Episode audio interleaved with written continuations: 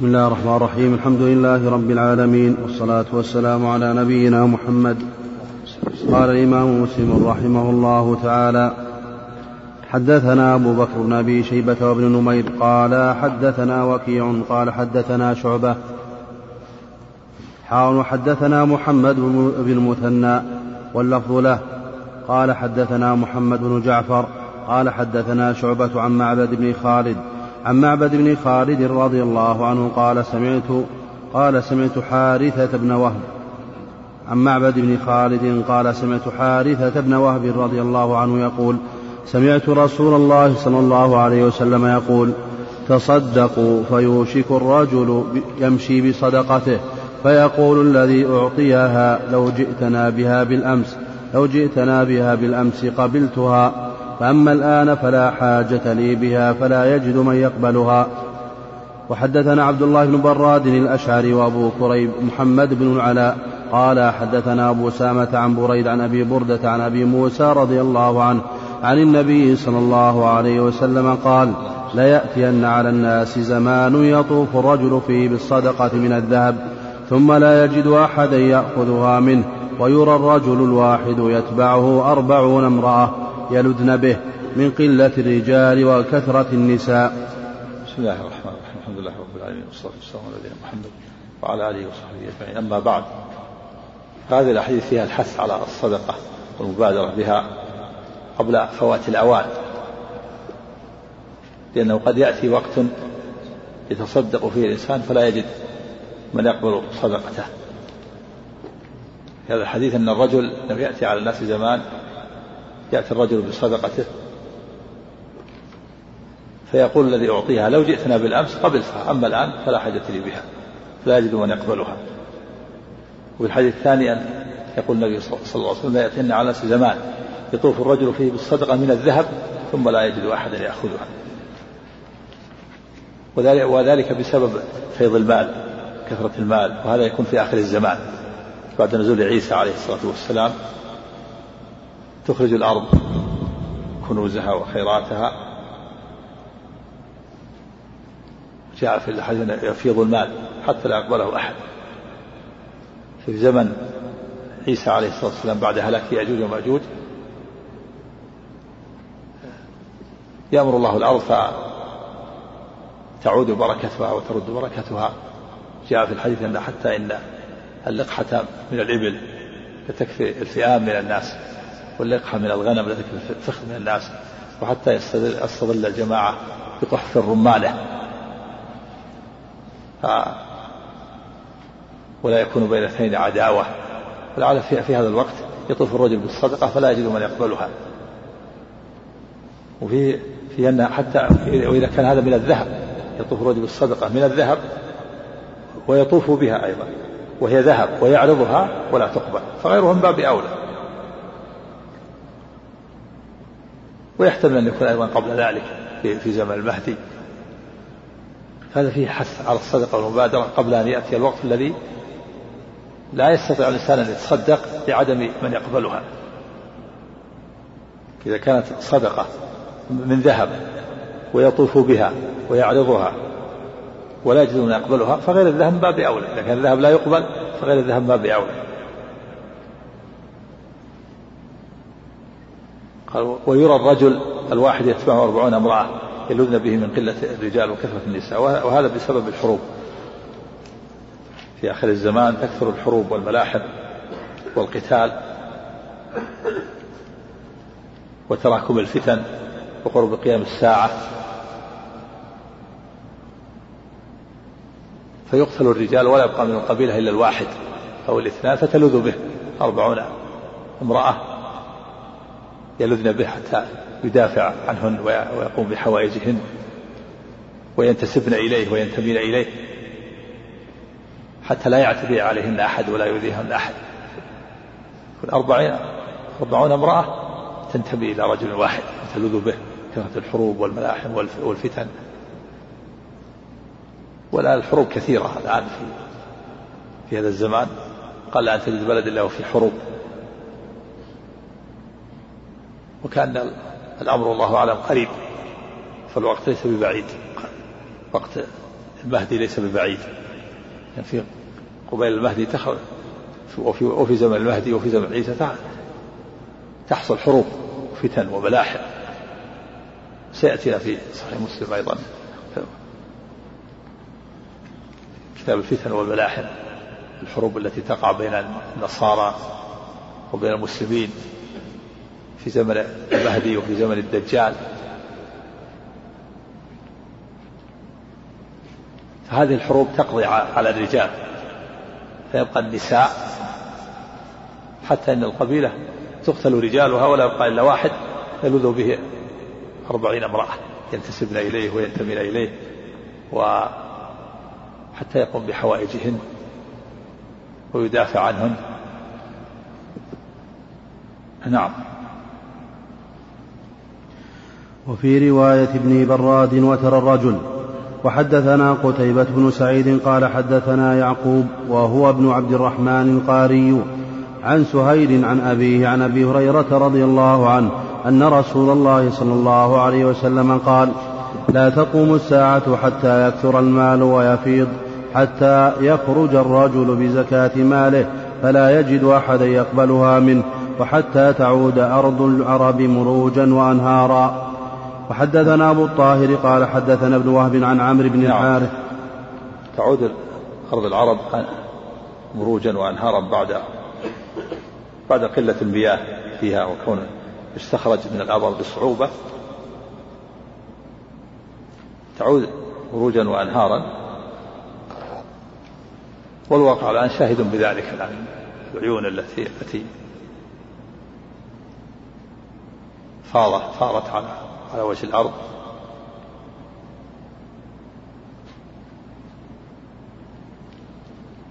والنووي رحمه الله أول الحديث بتأويل آخر. وقال إن إن معنى كونها تعود مروجا وأنهارا الناس يتركونها فلا يزرعونها ولا ولا ينتفعون بالله بسبب كثرة الفتن و وعدم الحاجة إلى إليها فيتركونها فتكون مروجا وأنهارا لكن هذا خلاف الظاهر. لأنهم يتركونها ويعرضون عنها تبقى مهملة لا تزرع ولا تسقى لقلة الرجال وكثرة الحروب. هذا خلاف الظاهر. الصواب أن الحديث على ظاهره من وجود الأنهار والمروج في جزيرة العرب. بعد قلة المياه فيها وكون يستخرج من الآبار بصعوبة تكون تكون على وجه الأرض.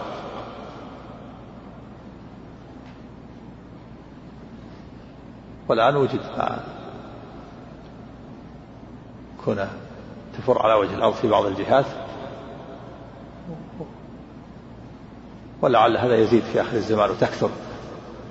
تكون مروج وأنهار على وجه الأرض. عيون تفر على وجه الأرض. لا لا يصعب على الناس استخراجها.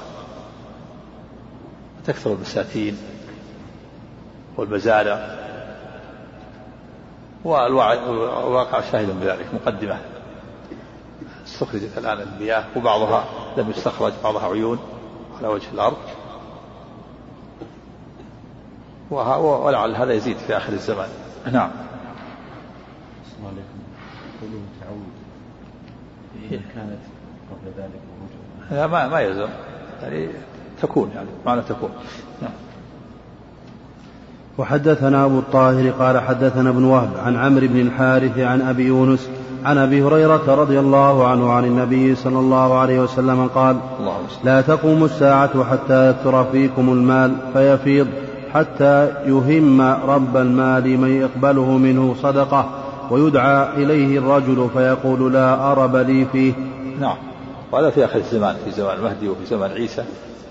يكثر المال حتى يهتم صاحب الصدقة يهمه من يقبل صدقته.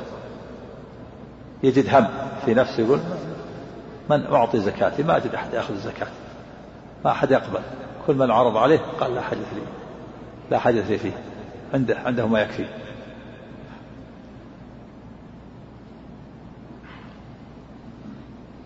هذا فيه الحث على الصدقة قبل أن يأتي الوقت الذي لا يستطيع الإنسان أن يتصدق ولا لكونه لا يجد من يقبل الصدقة. نعم.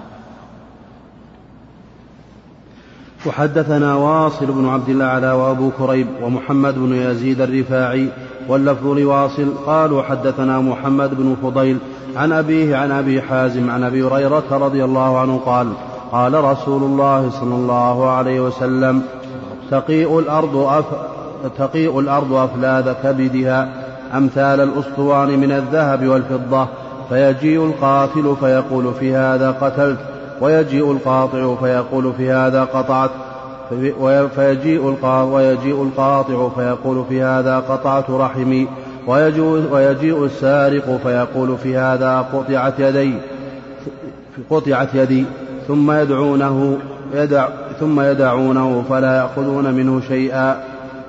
وهذا يكون في يوم القيامة كما كما ذكر القيم رحمه الله الكافية الشافية وتقيء يوم العرض أفلاد أكبادها وليس في آخر الزمان كما كما أشار أشار إليه سماحة شيخنا الشيخ بن باز رحمة الله عليه أنه في آخر الزمان الصواب أنه يكون في في, في يوم القيامة. كما ذكر ابن القيم رحمه الله. لقوله في الحديث فيجيء القاتل والقاطع والسارق. ولو كان في هذا في آخر الزمان لما جاء القاتل. قاتل كيف يجيء القاتل في آخر الزمان؟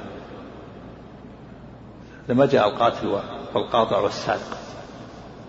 فالصواب أن هذا يكون في يوم القيامة.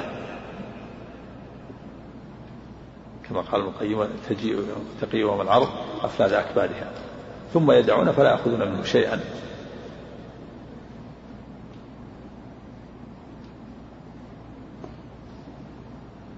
الله أعلم في كيفية كون تقي الأرض بعد تسويتها أو قبل تسويتها. هذا شيء خاص. ولهذا يجيء القاتل ويجيء القاطع ويجيء السارق ولو كان في آخر الزمان ما ما جاء القاتل. القاتل ما يرجع. نعم. لكن المال الذي يدعونه؟ نعم. يقول يدعونه يعني المال يدعونه. ما في انتهت الدنيا.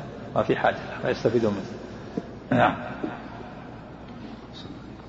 وحدثنا قتيبة بن يقررون عليه يقررون عليه و ويعترفون بما بما فعلوا. ثم يحاسبون عليه. نعم. انتهت الدنيا. لا ما في ما في في. يوم القيامة ما في وقت. لأخذه. ما أحد يستفيد. إذا أخذ يوم القيامة ماذا يستفيد؟ ما في إلا الأعمال. نعم.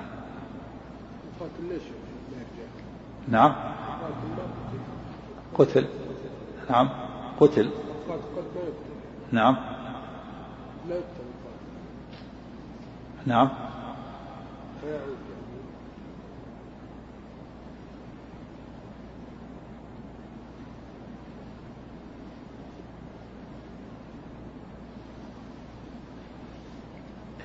قاتل؟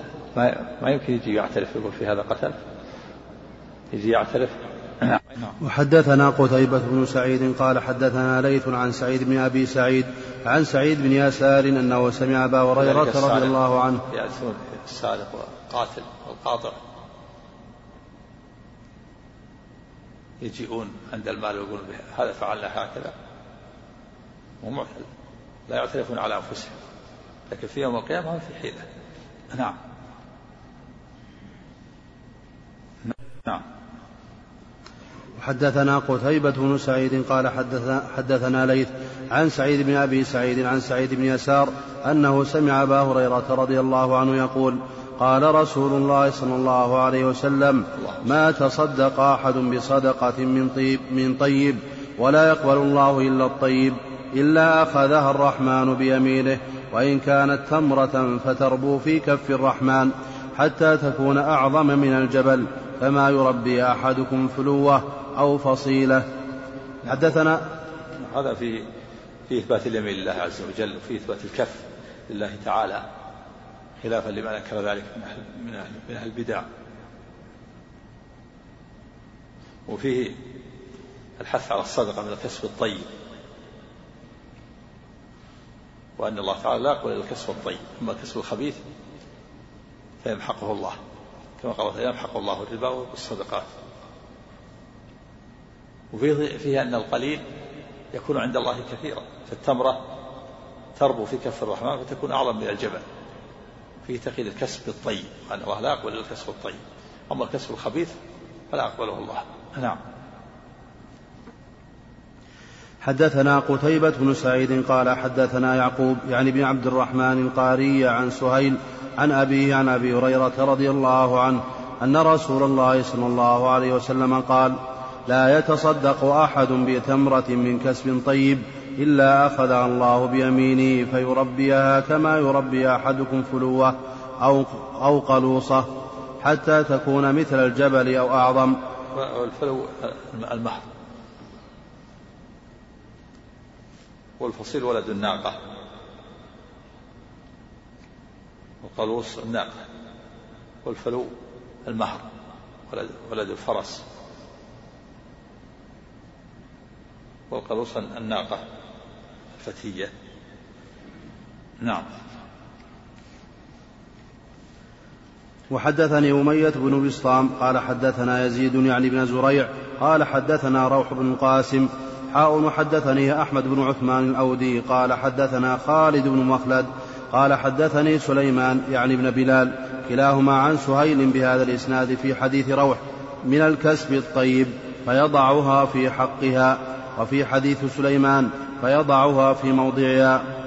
وحدثني أبو الطاهر قال أخبرنا عبد الله بن وهب قال أخبرني هشام بن سعد عن زيد بن أسلم عن أبي صالح عن أبي هريرة رضي الله عنه عن النبي صلى الله عليه وسلم نحو حديث يعقوب عن سهيل وحدثني أبو كريب ومحمد بن العلاء قال حدثنا أبو سامة قال حدثنا فضيل بن مرزوق قال حدثني عدي بن ثابت عن أبي حازم عن أبي هريرة رضي الله عنه قال قال رسول الله صلى الله عليه وسلم أيها الناس إن الله طيب لا يقبل إلا طيبا. وإن يؤيد أنه في يوم القيامة هذا. تقي الأرض أفلاد أكبادها أنه لو كان في آخر الزمان يمكن يأخذون المال لماذا يتركونه؟ كانوا في الدنيا. يأخذونه. لكن في يوم القيامة ما يأخذونه. لا. لكن قد يقول من يقول إنه في آخر الزمان يقول انه يتركونه من أجل كثرة الفتن وظهور علامات الساعة. كما أنهم لا كما أنها لا تقبل الصدقة من الذهب فكذلك لا يأخذون هذا المال لكثرته لكن الأقرب ان أنه في يوم القيامة.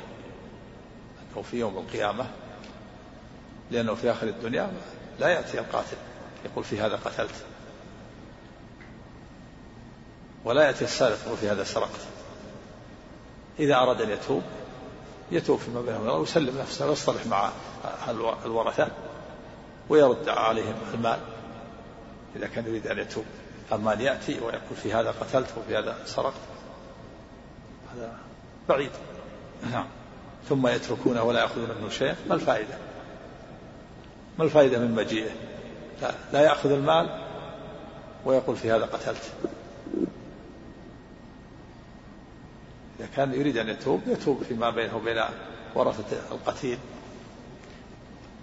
ويرد المال. أما أن يأتي يقول في هذا قتلت ويرجع ولا يأخذ شيء من المال ما تحصل فائدة.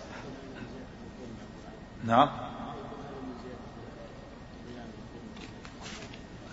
إيه، طيب زيادة الضمورة ما يأخذ المال إذا. من طغيانه يأخذ المال. يعني ما يترك. يأخذ المال. نعم. الأقرب أنه في يوم القيامة. نعم. كما ذكر ابن القيم رحمه الله في النورية أو تقيء يوم العرض أفلال أكبادها عن أبي هريرة رضي الله عنه قال قال رسول الله صلى الله عليه وسلم أيها الناس إن الله طيب لا يقبل إلا طيبا وإن الله أمر المؤمنين بما أمر به المرسلين فقال فقال يا أيها الرسل كلوا من الطيبات واعملوا صالحا. النووي رحمه الله أعرض عن هذا ما تكلم عن الحديث ولا ذكر في يوم القيامة ولا في آخر الزمان. صحيح مسلم يعني بحاجة إلى شرح وافي. ليس هناك شرح وافي الصحيح نعم. حتى شرح النووي الآن ليس في تقصير في قصور في بعض المواضع كثير. اختصار. نعم.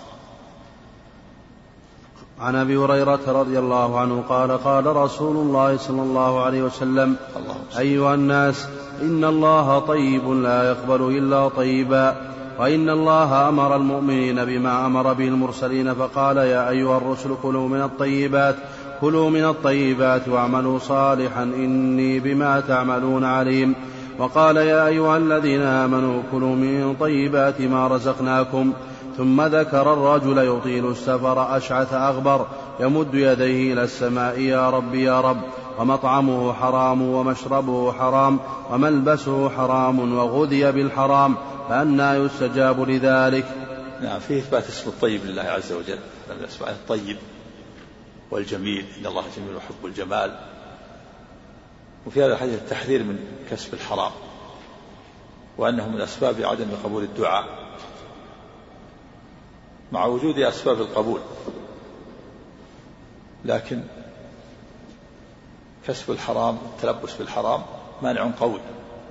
فهذا الرجل يطيل السفر مسافر والسفر مسافر ممن يستجاب دعاءه. السفر من أسباب قول الدعاء. ومنها أنه أشعث أشعث أشعث الرأس غير متنعم. ومنها أنه يطيل السفر ومنها أنه يمد يديه إلى السماء يرفع يديه إلى السماء. وهذا من قول الدعاء. ومنها توسل إلى الله بالربوبية يا رب رب. هذه من أسباب قول الدعاء. كل هذه من أسباب قول الدعاء. مسافر ويطيل السفر وأشعث بعيد عن الترفه ويرفع يديه من أسباب قول الدعاء. ويتوسل إلى الله بالربوبية. خمسة أسباب. ومع ذلك ما يستجاب له. لماذا؟ لأنه عارضه مانع قوي وهو التلبس بالحرام. أكلا وشربا ولباسا وتغذية. فأكل الحرام التلبس بالحرام هذا. من موانع قبول الدعاء ومن موانع قبول الأعمال ولا حول ولا قوة إلا بالله. فالواجب الحذر من كسب الحرام التورع عن عن الحرام المتشابه نعم. أحسن الله إليك. من قال أنه يطيل السفر في وجوه الطاعات نعم في وجوه الطاعات. هذا من أسباب قول الدعاء. من أسباب قول الدعاء. مسافر للغزو الجهاد أو للحج أو للعمرة أو للدعوة إلى الله. والأمر بالمعروف هذا سفر طاعة يطيل السفر. من أسباب قبول الدعاء. ومع ذلك متلبس بالحرام. نعم. نعم. نعم. نعم. اعتراف. اعتراف بهذا يوم القيامة. يعترف بما فعل. يعترف بأعماله ثم يحاسب عليها. هذا ما يعيد أنه يوم القيامة وليس في آخر الزمان لأنه في آخر الزمان ما ما في حاجة إلى الاعتراف. نعم. إي نعم من أجل هذا. قطع رحمه من أجل المال قتل من أجل هذا المال ثم يحاسب عليه. زيادة اعتراف يعترف ثم يحاسب عليه. نعم. حدثنا عون بن سلام الكوفي قال حدثنا زهير بن معاوية الجعفي عن أبي إسحاق عن عبد الله بن معقل عن عدي بن حاتم رضي الله عنه قال سمعت النبي صلى الله عليه وسلم يقول من استطاع منكم أن يستتر من النار ولو بشق تمرة فليفعل نعم فيه أن الصدقة ستر من النار. الصدقة ستر من النار حجاب تحجب الإنسان من النار. وظل يستظل بها يوم القيامة. نعم في فضل الصدقة وأنها تستر صاحبه تحجبه من النار هي ستر وحجاب. وإذا لم يجد الصدقة لم يجد شيئا تقوم الكلمة الطيبة مقامها كما سيأتي في الحديث. فمن لم يجد فبكلمة طيبة. كلام الطيب إذا جاء الفقير يعده وعدا طيبا ويقول إن شاء الله تأتينا في وقت آخر إن شاء الله يأتي الخير وهكذا. كلمة طيبة تقوم مقام الصدقة عند عدمها عند العدم. نعم. حدثنا علي بن حجر السعدي وإسحاق بن إبراهيم وعلي بن خشرم قال ابن حجر حدثنا وقال الآخران أخبرنا عيسى بن يونس قال حدثنا الأعمش عن خيثمة عن عدي بن حاتم رضي الله عنه قال قال رسول الله صلى الله عليه وسلم ما منكم من أحد إلا سيكلمه الله ليس بينه وبينه ترجمان. فينظر أيمن منه فلا يرى إلا ما قدم. وينظر أشأم منه فلا يرى إلا ما قدم وينظر بين يديه فلا يرى إلا النار تلقاء وجهه فاتقوا النار ولو بشق تمرة. زاد ابن حجر قال الأعمش وحدثني عمرو بن مرة عن خيثمة مثله وزاد فيه ولو بكلمة طيبة. وقال إسحاق قال الأعمش عن عمرو بن مرة عن خيثمة. وهذا فيه بيان مشهد مشاهد القيامة وأن وأن الله تعالى يكلم العباد وهذا عام للمؤمن والكافر ما منكم من أحد إلا سيكلمه رب سيكلمه الله. وأن الله يكلم كل أحد من دون ترجمان من دون واسطة. ترجمان هو الواسطة الذي ينقل الكلام من لغة إلى لغة. يعبر المعبر. لكن الكافر محجوب عن الله فلا يراه كما قال الله تعالى كلا إنهم عن ربهم يومئذ لمحجوبون.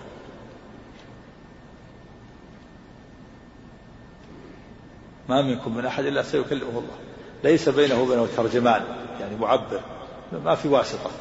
كلمه الله بدون واسطة. فينظر أيمن منه يعني جهة اليمين فلا يرى إلا ما قدم. وينظر أشأم منه يعني جهة الشمال فلا يرى إلا ما قدم. وينظر بين يديه يعني أمامه فلا يرى إلا النار. تلقاء وجهه. فاتقوا النار ولو بشق تمرة فمن لم يجد فبكلمة طيبة. تقوي في دليل على أن النار على أن الصدقة حجاب عن النار. تقوها. جعلوا بينكم وبينها وقاية بالصدقة ولو بشق تمرة الشق النصف نصف التمرة ولو نصف تمرة نصف تمرة تنفع الفقير. إذا أعطى هذا نصف تمرة والثاني أعطى نصف تمرة تجمع شيء. حصل له الصحابة رضوان الله عليهم في بعض الغزوات أمر عليهم النبي صلى الله عليه وسلم أبا عبيدة وأعطاه أعطاهم زودهم جراب فيه تمر. جراب شيء من الجلد وهم ثلاثمائة ليس عند النبي صلى الله عليه وسلم. غيره فكان أبو عبيدة يوزع عليهم كل كل يوم كل واحد تمرة كل واحد تمرة قال الراوي فتكفينا إلى الليل نمصها. قال كيف تفعلون؟ قال نمصها كما يمص كما يمص الصبي الماء. نمصها كما يمص الصبي ونشرب عليها الماء. فتكفينا إلى الليل. ونضرب الخبط بعصينا ونأكل من حشائش, حشائش, الأرض حتى تقرح شفاهنا. قال الراوي كيف كيف تنفع؟ سألها تابع من غير الصحابة كيف يعني الواحدة تكفيكم؟ قال نعم وجدنا فقدها لما انتهى التمر وجدنا فقدها تمرة واحدة. فإذا الفقير إذا يعطي نصف تمرة تنفع. يعطي نصف تمرة أو يعطي هذا يعطيه ريال وهذا يعطيه ريال تنفع يتجمع. الفقير شيء. عند عند الفقير شيء. هي تنفع فتكون حجابا من النار. عائشة رضي الله عنها جاءتها امرأة معها ابنتان. تسأل تشحن فلم تجد قال فلم تجد عندي إلا تمرة واحدة. فأعطيته إياها. فشقتها بين ابنتيها نصفين ولم تأكل شيئا مع ابنتان. وفي الرواية الأخرى أن ثلاث تمرات احتملنا قصة أخرى وهي ثلاث تمرات. فأعطتها ثلاث تمرات فأعطت كل واحدة من ابنتيها تمرة ورفعت التمرة الثالثة إلى فيها لتأكلها. لكن الابنتين سارعتا وأكلتا كل واحدة أكلت التمرة فلما رفعت الأم التمرة الثالثة إلى فمها فيها لتأكلها نظرتا إليها يريدان التمرة. فعدلت عن أكلها وشقتها الثالثة بين ابنتيها. وعائشة تنظر. قالت عائشة فلما جاء النبي صلى الله عليه وسلم أخبرته بصنيعها فقال إن الله أوجب لها بها الجنة. يعني بهذه الرحمة. فالتمرة تنفع نصف التمرة تنفع الفقير. نصف تمرة مع نصف تمرة تجمع ريال لا يحقر شيء من المعروف. هذا يعطيه ريال وهذا يعطيه ريال وهذا يعطيه خمسة ويتجمع فقير صدقة ولو ولو قليل. فيها خير فيها نفع. ولهذا قال اتقوا النار ولو بشق تمرة ولو بنصف تمرة تكون وقاية عن النار. فمن لم يجد قد يكون في بعض الأوقات ما يجد ولا نصف تمرة فبكلمة طيبة يرد الفقير بكلام طيب. قال والله أنا ما عندي شيء لكن إن شاء الله يأتينا في المستقبل إن شاء الله تأتينا في وقت آخر. يأتي الله تعالى بالرزق والخير إن شاء الله تأتينا في وقت آخر إن شاء الله ويعده بكلام طيب يقوم مقام الصدقة عند عند عدمه. نعم. حدثنا أبو بكر بن أبي شيبة وأبو كريب. نعم. قال حدثنا أبو معاوية عن الأعمش عن عمرو بن مرة عن خيثمة عن عدي بن حاتم رضي الله عنه قال ذكر رسول الله صلى الله عليه وسلم النار فأعرض واشاح ثم قال اتقوا النار ثم أعرض واشاح حتى ظننا أنه كأنما ينظر إليها ثم قال اتقوا النار ولو بشق تمرة فمن لم يجد فبكلمة طيبة ولم يذكر أبو كريب كأنما وقال حدثنا أبو معاوية قال حدثنا الأعمش وحدثنا محمد بن مثنى وابن بشار قال حدثنا محمد بن جعفر قال حدثنا شعبة عن عمرو بن مرة عن خيثمة عن عدي بن حاتم رضي الله عنه. عن رسول الله صلى الله عليه وسلم أنه ذكر النار فتعوذ منها وأشاح بوجهه ثلاث مرار ثم قال اتقوا النار ولو بشق تمرة فإن لم تجدوا فبكلمة طيبة. شاح بوجه يعني أعرض بوجهه عليه الصلاة والسلام. حدثني محمد بن مثنى العنزي قال أخبرنا محمد بن جعفر قال حدثنا شعبة عن عون بن أبي جحيفة عن المنذر بن جرير عن أبيه رضي الله عنه قال كنا عند رسول الله صلى الله عليه وسلم في صدر النهار قال فجاءه قوم حفاة عراة مجتاب النمار أو العباء متقلد السيوف عامتهم من مضر بل كلهم من مضر. العباء أو العباء يعني جمع عباء نعم. مجتاب النمار أو العباء مت... متقلد السيوف عامة من مضر بل كلهم من مضر. فتمعر وجه رسول الله صلى الله عليه وسلم لما رأى بهم من الفاقة. فدخل ثم خرج فأمر بلالا فأذن وأقام فصلى ثم خطب. فقال يا أيها الناس اتقوا ربكم الذي خلقكم من نفس واحدة إلى آخر الآية إن الله كان عليكم رقيبا. والآية التي في الحشر اتقوا الله ولتنظر نفس ما قدمت لغد. واتقوا الله تصدق رجل من ديناره من درهمه من ثوبه من صاع بره من صاع تمره. حتى قال ولو بشق تمرة قال فجاء رجل من الأنصار بسرة كادت كفه تعجز عنها, تعجز عنها. بل قد عجزت. قال ثم تتابع الناس حتى رأيت كومين من طعام وثياب. حتى رأيت وجه رسول الله صلى الله عليه وسلم يتهلل كأنه مذهبة. فقال رسول الله صلى الله عليه وسلم من سن في الإسلام سنة حسنة فله أجرها وأجر من عمل بها بعد بعده من غير أن ينقص من أجورهم شيء. ومن سن في الإسلام سنة سيئة كان عليه وزرها ووزر من عمل بها من بعده من غير أن ينقص من أوزارهم شيء. وحدثنا في الحديث مشروعية الخطبة. وحث الناس على الصدقة عند وجود أسبابها. مشروعية الخطبة وحث الناس على الصدقة عند وجود أسبابها. وقول تصدق رجل من ديناره من درهمه هذا خبر بمعنى الأمر والمعنى ليتصدق تصدق رجل من من درهمه من ثوب يعني ليتصدق خبر بمعنى الأمر. وفي هذا الحديث فضل من؟ أحيا السنن وأمات البدع. قولوا من سن في الإسلام سنة حسنة يعني أحياها وابتدأ وسابق إليها وبادر إليها. وليس المراد من قول الإسلام سنة حسنة أن الإنسان يبتدع في الدين لا. ليس المراد يبتدع في الدين بل المعنى أنه يحيي السنة إذا اندثرت وماتت ويبادر إلى امتثالها. فهذا الرجل لما حث النبي صلى الله عليه وسلم جاء رجل من الأنصار بصرة بصرة كادت كفه تعجز عنها بادر. فسن للناس المبادرة فتتابع الناس واقتدوا به. حتى تجمع كومين من طعام وثياب. فقال النبي صلى الله عليه وسلم من سن في الإسلام سنة حسنة فله أجرها وأجر من عمل بها إلى يوم القيامة. هذا الرجل الذي بادر أول من جاء لما بعد خطبة النبي صلى الله عليه وسلم بادر هذا الرجل من الأنصار وأتى بصره كان كف هكذا ملأ كفيه من من تمر أو فجاء ووضعها ثم اقتدى به الناس وتتابع الناس فسن للناس هذه السنة بمعنى أنه بادر إليها وطبقها وامتثلها فتتابع الناس. ومثل أيضا إحياء السنة إذا اندثرت كانت هناك سنة في بلد والناس تركوها مثل سنة الضحى جئت إلى بلد ما يعرف الناس سنة الضحى. حتى فبدرت أنت وصليت سنة الضحى ودعوت الناس إليها فصار الناس يصلون سنة الضحى. لك لك أجرها لك أجرها. يصدق عليك الحديث. ما سنة في الإسلام سنة حسنة ولا أجر أجر عامل بها إلى يوم القيامة. ومن سنة في الإسلام سنة سيئة فعليه وزرها. هذا من ابتدع سنة سيئة معصية. فعل معصية وتتابع الناس على فعلها أو فعل بدعة فعليه فعليه وزرها. وزر من عمل بها إلى يوم القيامة. المقصود أن الحديث ليس فيه ليس فيه دليل على إحياء البدع والمراد إحياء السنن من أحيا السنن التي سنها الشارع. نعم.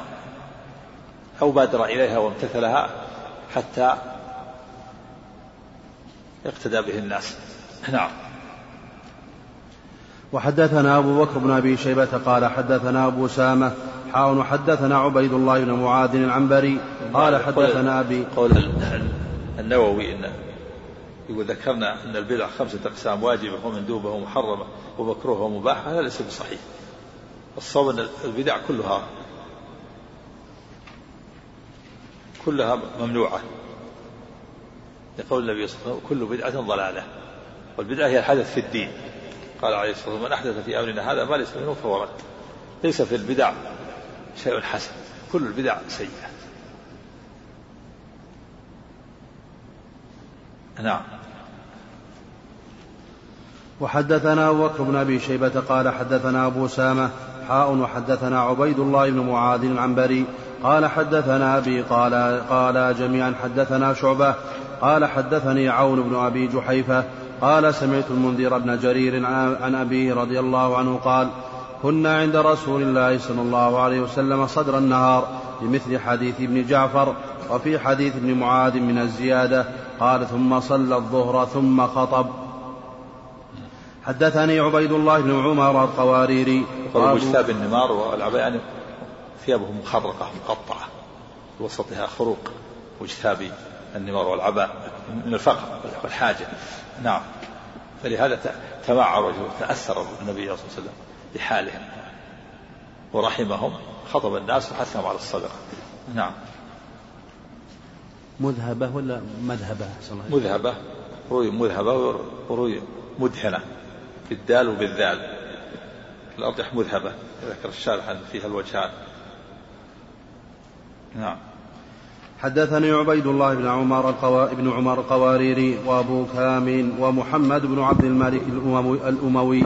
قالوا حدثنا أبو عوانة عن عبد الملك بن عمير عن المنذر بن جرير عن أبيه رضي الله عنه قال كنت جالسا عند النبي صلى الله عليه وسلم فأتاه قوم مجتاب النمار وساقوا الحديث بقصته وفيه فصلى الظهر ثم صعد منبرا صغيرا فحمد الله وأثنى عليه ثم قال أما بعد فإن الله أنزل في كتابه يا أيها الناس اتقوا ربكم الآية.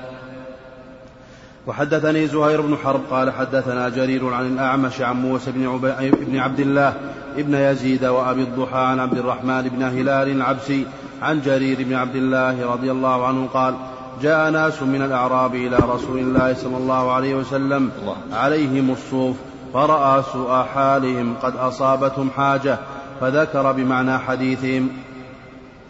حدثني يحيى بن معين قال حدثنا غندر قال حدثنا شعبة حاء وحدثني بشر بن خالد واللفظ له. قال أخبرنا محمد يعني بن جعفر عن شعبة عن سليمان عن أبي وائل عن أبي مسعود رضي الله عنه قال أمرنا بالصدقة. قال كنا نحامل. قال فتصدق أبو عقيل بنصف صاع. قال وجاء إنسان بشيء أكثر منه. فقال المنافقون إن الله لغني عن صدقة هذا وما فعل وما فعل هذا الآخر إلا رياء. فنزلت الذين فنزلت الذين يلمزون المتطوعين من المؤمنين في الصدقات والذين لا يجدون إلا جهدهم ولم يلفظ بشر بالمتطوعين. وحدثنا محمد بن بشار قال حدثني سعيد بن الربيع حاء وحدثني إسحاق بن منصور قال أخبرنا أبو داود كلاهما عن شعبة بهذا الإسناد. وفي حديث سعيد وفي حديث سعيد بن الربيع قال كنا نحامل على ظهورنا. يعني نحامل يعني يحمل على ظهورنا بالأجرة لنتصدق. وفي فضل الصحابة وحرصهم على الصدقة والخير. لما حثهم النبي على الصدقة وصار ما عندهم شيء صاروا يحملون على ظهرهم يشتغل واحد حمالي يذهب إلى سوق الخضار ويحمل. يحمل على ظهره وكذا وهذا يعطيه كذا وهذا يعطيه ريال وهذا يعطيه خمسة وهذا يعطيه عشرة. فيتجمع فيتصدق منه. والصحابة هكذا لما حثم النبي على الصدقة وليس عندهم صار الواحد يحامل. يروح للسوق ويشتغل حمالي. وليس في هذا عيب. هذا عمل. العيب يكون الإنسان يسأل يسأل الناس ويشحن. هذا العيب. وهو يستطيع. أما يكون يحمل يكون يشتغل يكون يكون بنا. يكون يكون يكون مثلا سباك يكون كهربائي يكون دهان يشتغل يبيع ويشتري يحرث يزرع. هذا مطلوب العمل. هذا ما في عيب. يكون جزار. لا لا لا لا, لا عيب في هذا. العيب في كون الإنسان يشحذ الناس. هذا العيب. وهو يستطيع.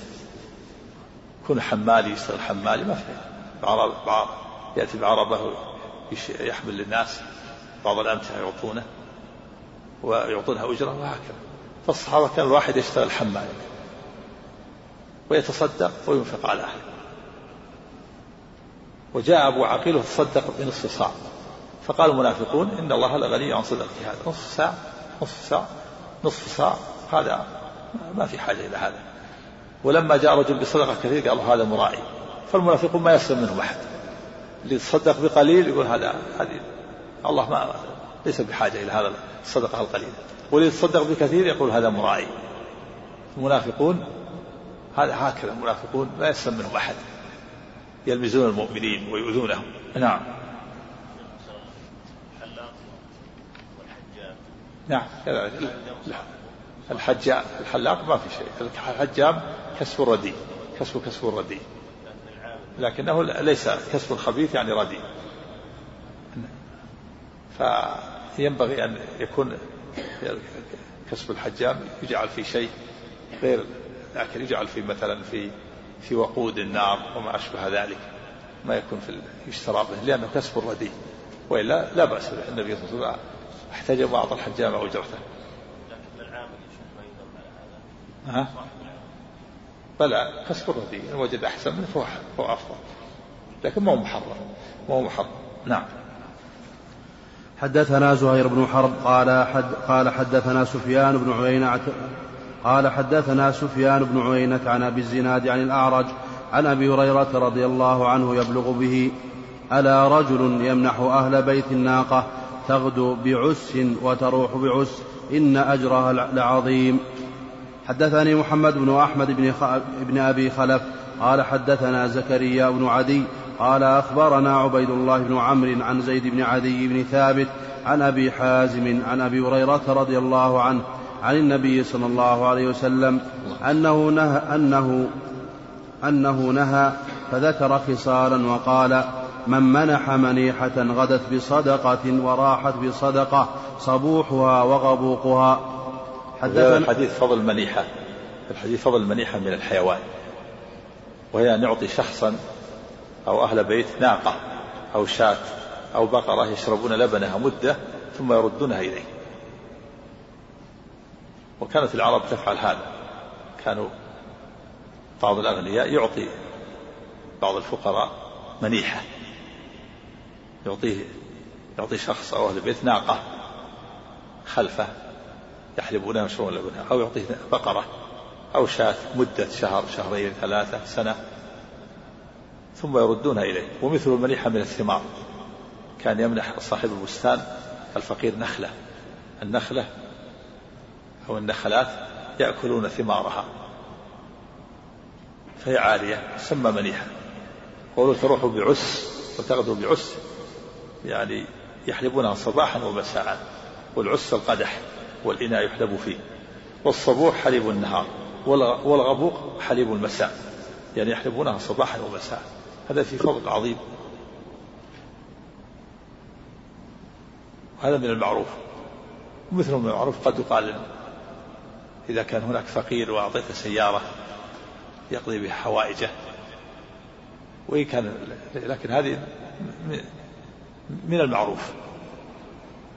تعطي سيارة مثلا يقضي بها حوائجه مدة شهر شهرين. تعطيه تفويض مثلا بقيادتها يستفيد ينتفع مدة أو مدة سنة أو كذا. أو كذلك في القرى وفي البوادي بعض الفقراء تعطيهم منيحة من من الغنم شاة يحلبونها ويستفيدون يشربون لبنها أو ناقة. هنا فيها النبي قال إن أجرها لعظيم أجرها عظيم. ألا رجل عرض يمنح أهل بيت الناقة أن تغدو بعس وتروح بعس إن أجرها لعظيم. نعم. في الحديث الآخر ثمن خصلة. أقلها أو أدناها منيحة العنز. ما من رجل يعمل بها. رجاء موعودها وتصديق ثوابها إلا أدخله الله الجنة. أربعين أربعون خصلة ذكر منها أعلاها وذاها منيحة العنز. وهذه الخصال أخفيت حتى يتطلبها الإنسان ومنها المنيحة. من عمل بخصلة منها بهذا الشرط. رجاء تصديق تصديقا للموعود ورجاء الثواب أدخله الله الجنة. وهذه من الأشياء اللي, اللي في هذا الزمان الآن ولا سيما في بعدما فتحت الدنيا على الناس نسيت. منيحة متروكة ما أحد يعمل بها. لكن سابقا كان الناس يعملون بها كان العرب كانوا يعملون بها. لكن في غمرة انفتاح الدنيا على الناس واختلاط الناس بالأعاجم واختلاطهم بغيرهم وتوسع المدن. صار ما ما أحد ما أحد يمنح أحد. ما أحد يتكلم إلا بدراهم بدراهم ما في أحد بيتبرع يعطي صدقة لا ما فيها. إلا قليل. كذلك أيضا الضيف. أيضا كذلك في المدن الآن. ما يعرف أحد يستضيف أحد أو يأتي. كان العرب وكان في القرى سابقا يأتي الواحد وينزل عند البيت يكون ضيف. فإذا سمع صاحب البيت رغاء البعير عرف أنه ضيف جاء فتح الباب وأخذ أمتعته ودخل عنده واستضافه. يوم يومين ثلاثة الآن ما يعرف لو يجي واحد في المدن ينزل عند أحد أو يدق الباب عليه يكون ضيف قال اذهب اذهب المطاعم. تريد ما أعرف ما يعرفون السنة. ضاعت السنة عند المدن الآن في المدن. وكذلك المنيحة الآن ما المنيحة ما تعرف. لكن قد تكون قد يفعل بعض الناس الآن في المدن ممكن أن يمنح الإنسان شخص فقير سيارته يقضي بها حوائجه مدة ثم يردها إليه. نعم. أو يملكها إياه يعطيها يملك رقبتها ومنافعها يهبها له ويعطيها إياه. نعم. حدثنا حدثنا عمرو الناقد قال حدثنا سفيان بن عيينة عن أبي الزناد عن, عن الأعرج عن أبي هريرة رضي الله عنه عن النبي صلى الله عليه وسلم قال عمرو قال عمرو وحدثنا سفيان بن عيينة قال وقال ابن جريج عن الحسن بن مسلم عن طاووس عن أبي هريرة رضي الله عنه عن النبي صلى الله عليه وسلم. نعم. لا صدقة المنيحة الشيء الذي ينتفع به هو باقي. مثل نخلة يأكل ثمرها أو مثل لا مو منيحة هذا صدقة صدق عليه الطعام هذا طعام صدق صدق عليه الطعام فاكهة لحم. نعم المنيحة الشيء الذي يستفاد منه وباقي قد يقال مثل مثل بيت يسكنه البيت بدون أجرة هذا من جنس المليحة سكنه البيت بدون أجرة. يعطيه سيارة يستفيد منها يعطيه شاة يمنحها ويردها عليه. أما الرز هذا ما هو مليح الرز صدقة. تعطيه رز وتعطيه طعام صدقة. نعم. نعم. الإعارة غير مسألة الإعارة. ويمنعون الماعون داخل في منع الملعون ما ينبغي يعير الإنسان. إذا طلب منه شيء وما ما يتضرر ولا يزول لا يمنع يستفيد منه. إذا كان الإنسان يرده كالإناء والقدر والسكين ومثل الكتاب إذا كان ما يضيع ولا ينتفعه ويرده. هذه عارية. نوع آخر نعم. نعم أخفاها الله حتى يتطلبها العباد. كما أخفيت ساعة الجمعة الساعة في الليل ساعة الليل ساعة أيضا الاستجابة. نعم. نعم. إيه نعم. الغني ما في حاجة. الغني هو يشتري. الغني ما الغني ما هو في حاجة. الغني هو يشتري هو يشتري. يشتري مثل ما تشتري أنت. ما في حاجة. لا تكون هدية. لكن الغني تكون هدية. نعم. بسم الله الرحمن الرحيم. والصلاة والسلام على أشرف الأنبياء والمرسلين نبينا محمد وعلى آله إلا إذا كان من ذوي الأرحام. قد يكون هذا من بره إذا كان من ذوي الأرحام نعم. مثل ما جاء مثل ما مر في صحيح مسلم قصة في ميمونة أن اعتقت وليدة لها. قالت النبي أشعرت أني اعتقت وليدتي. قال أما إنك لو وضعت أخوالك لكان أعظم لأجلك. الأرحام والأقارب نعم. أعطاهم ولو كانوا أغنياء من صلة الرحمة. نعم.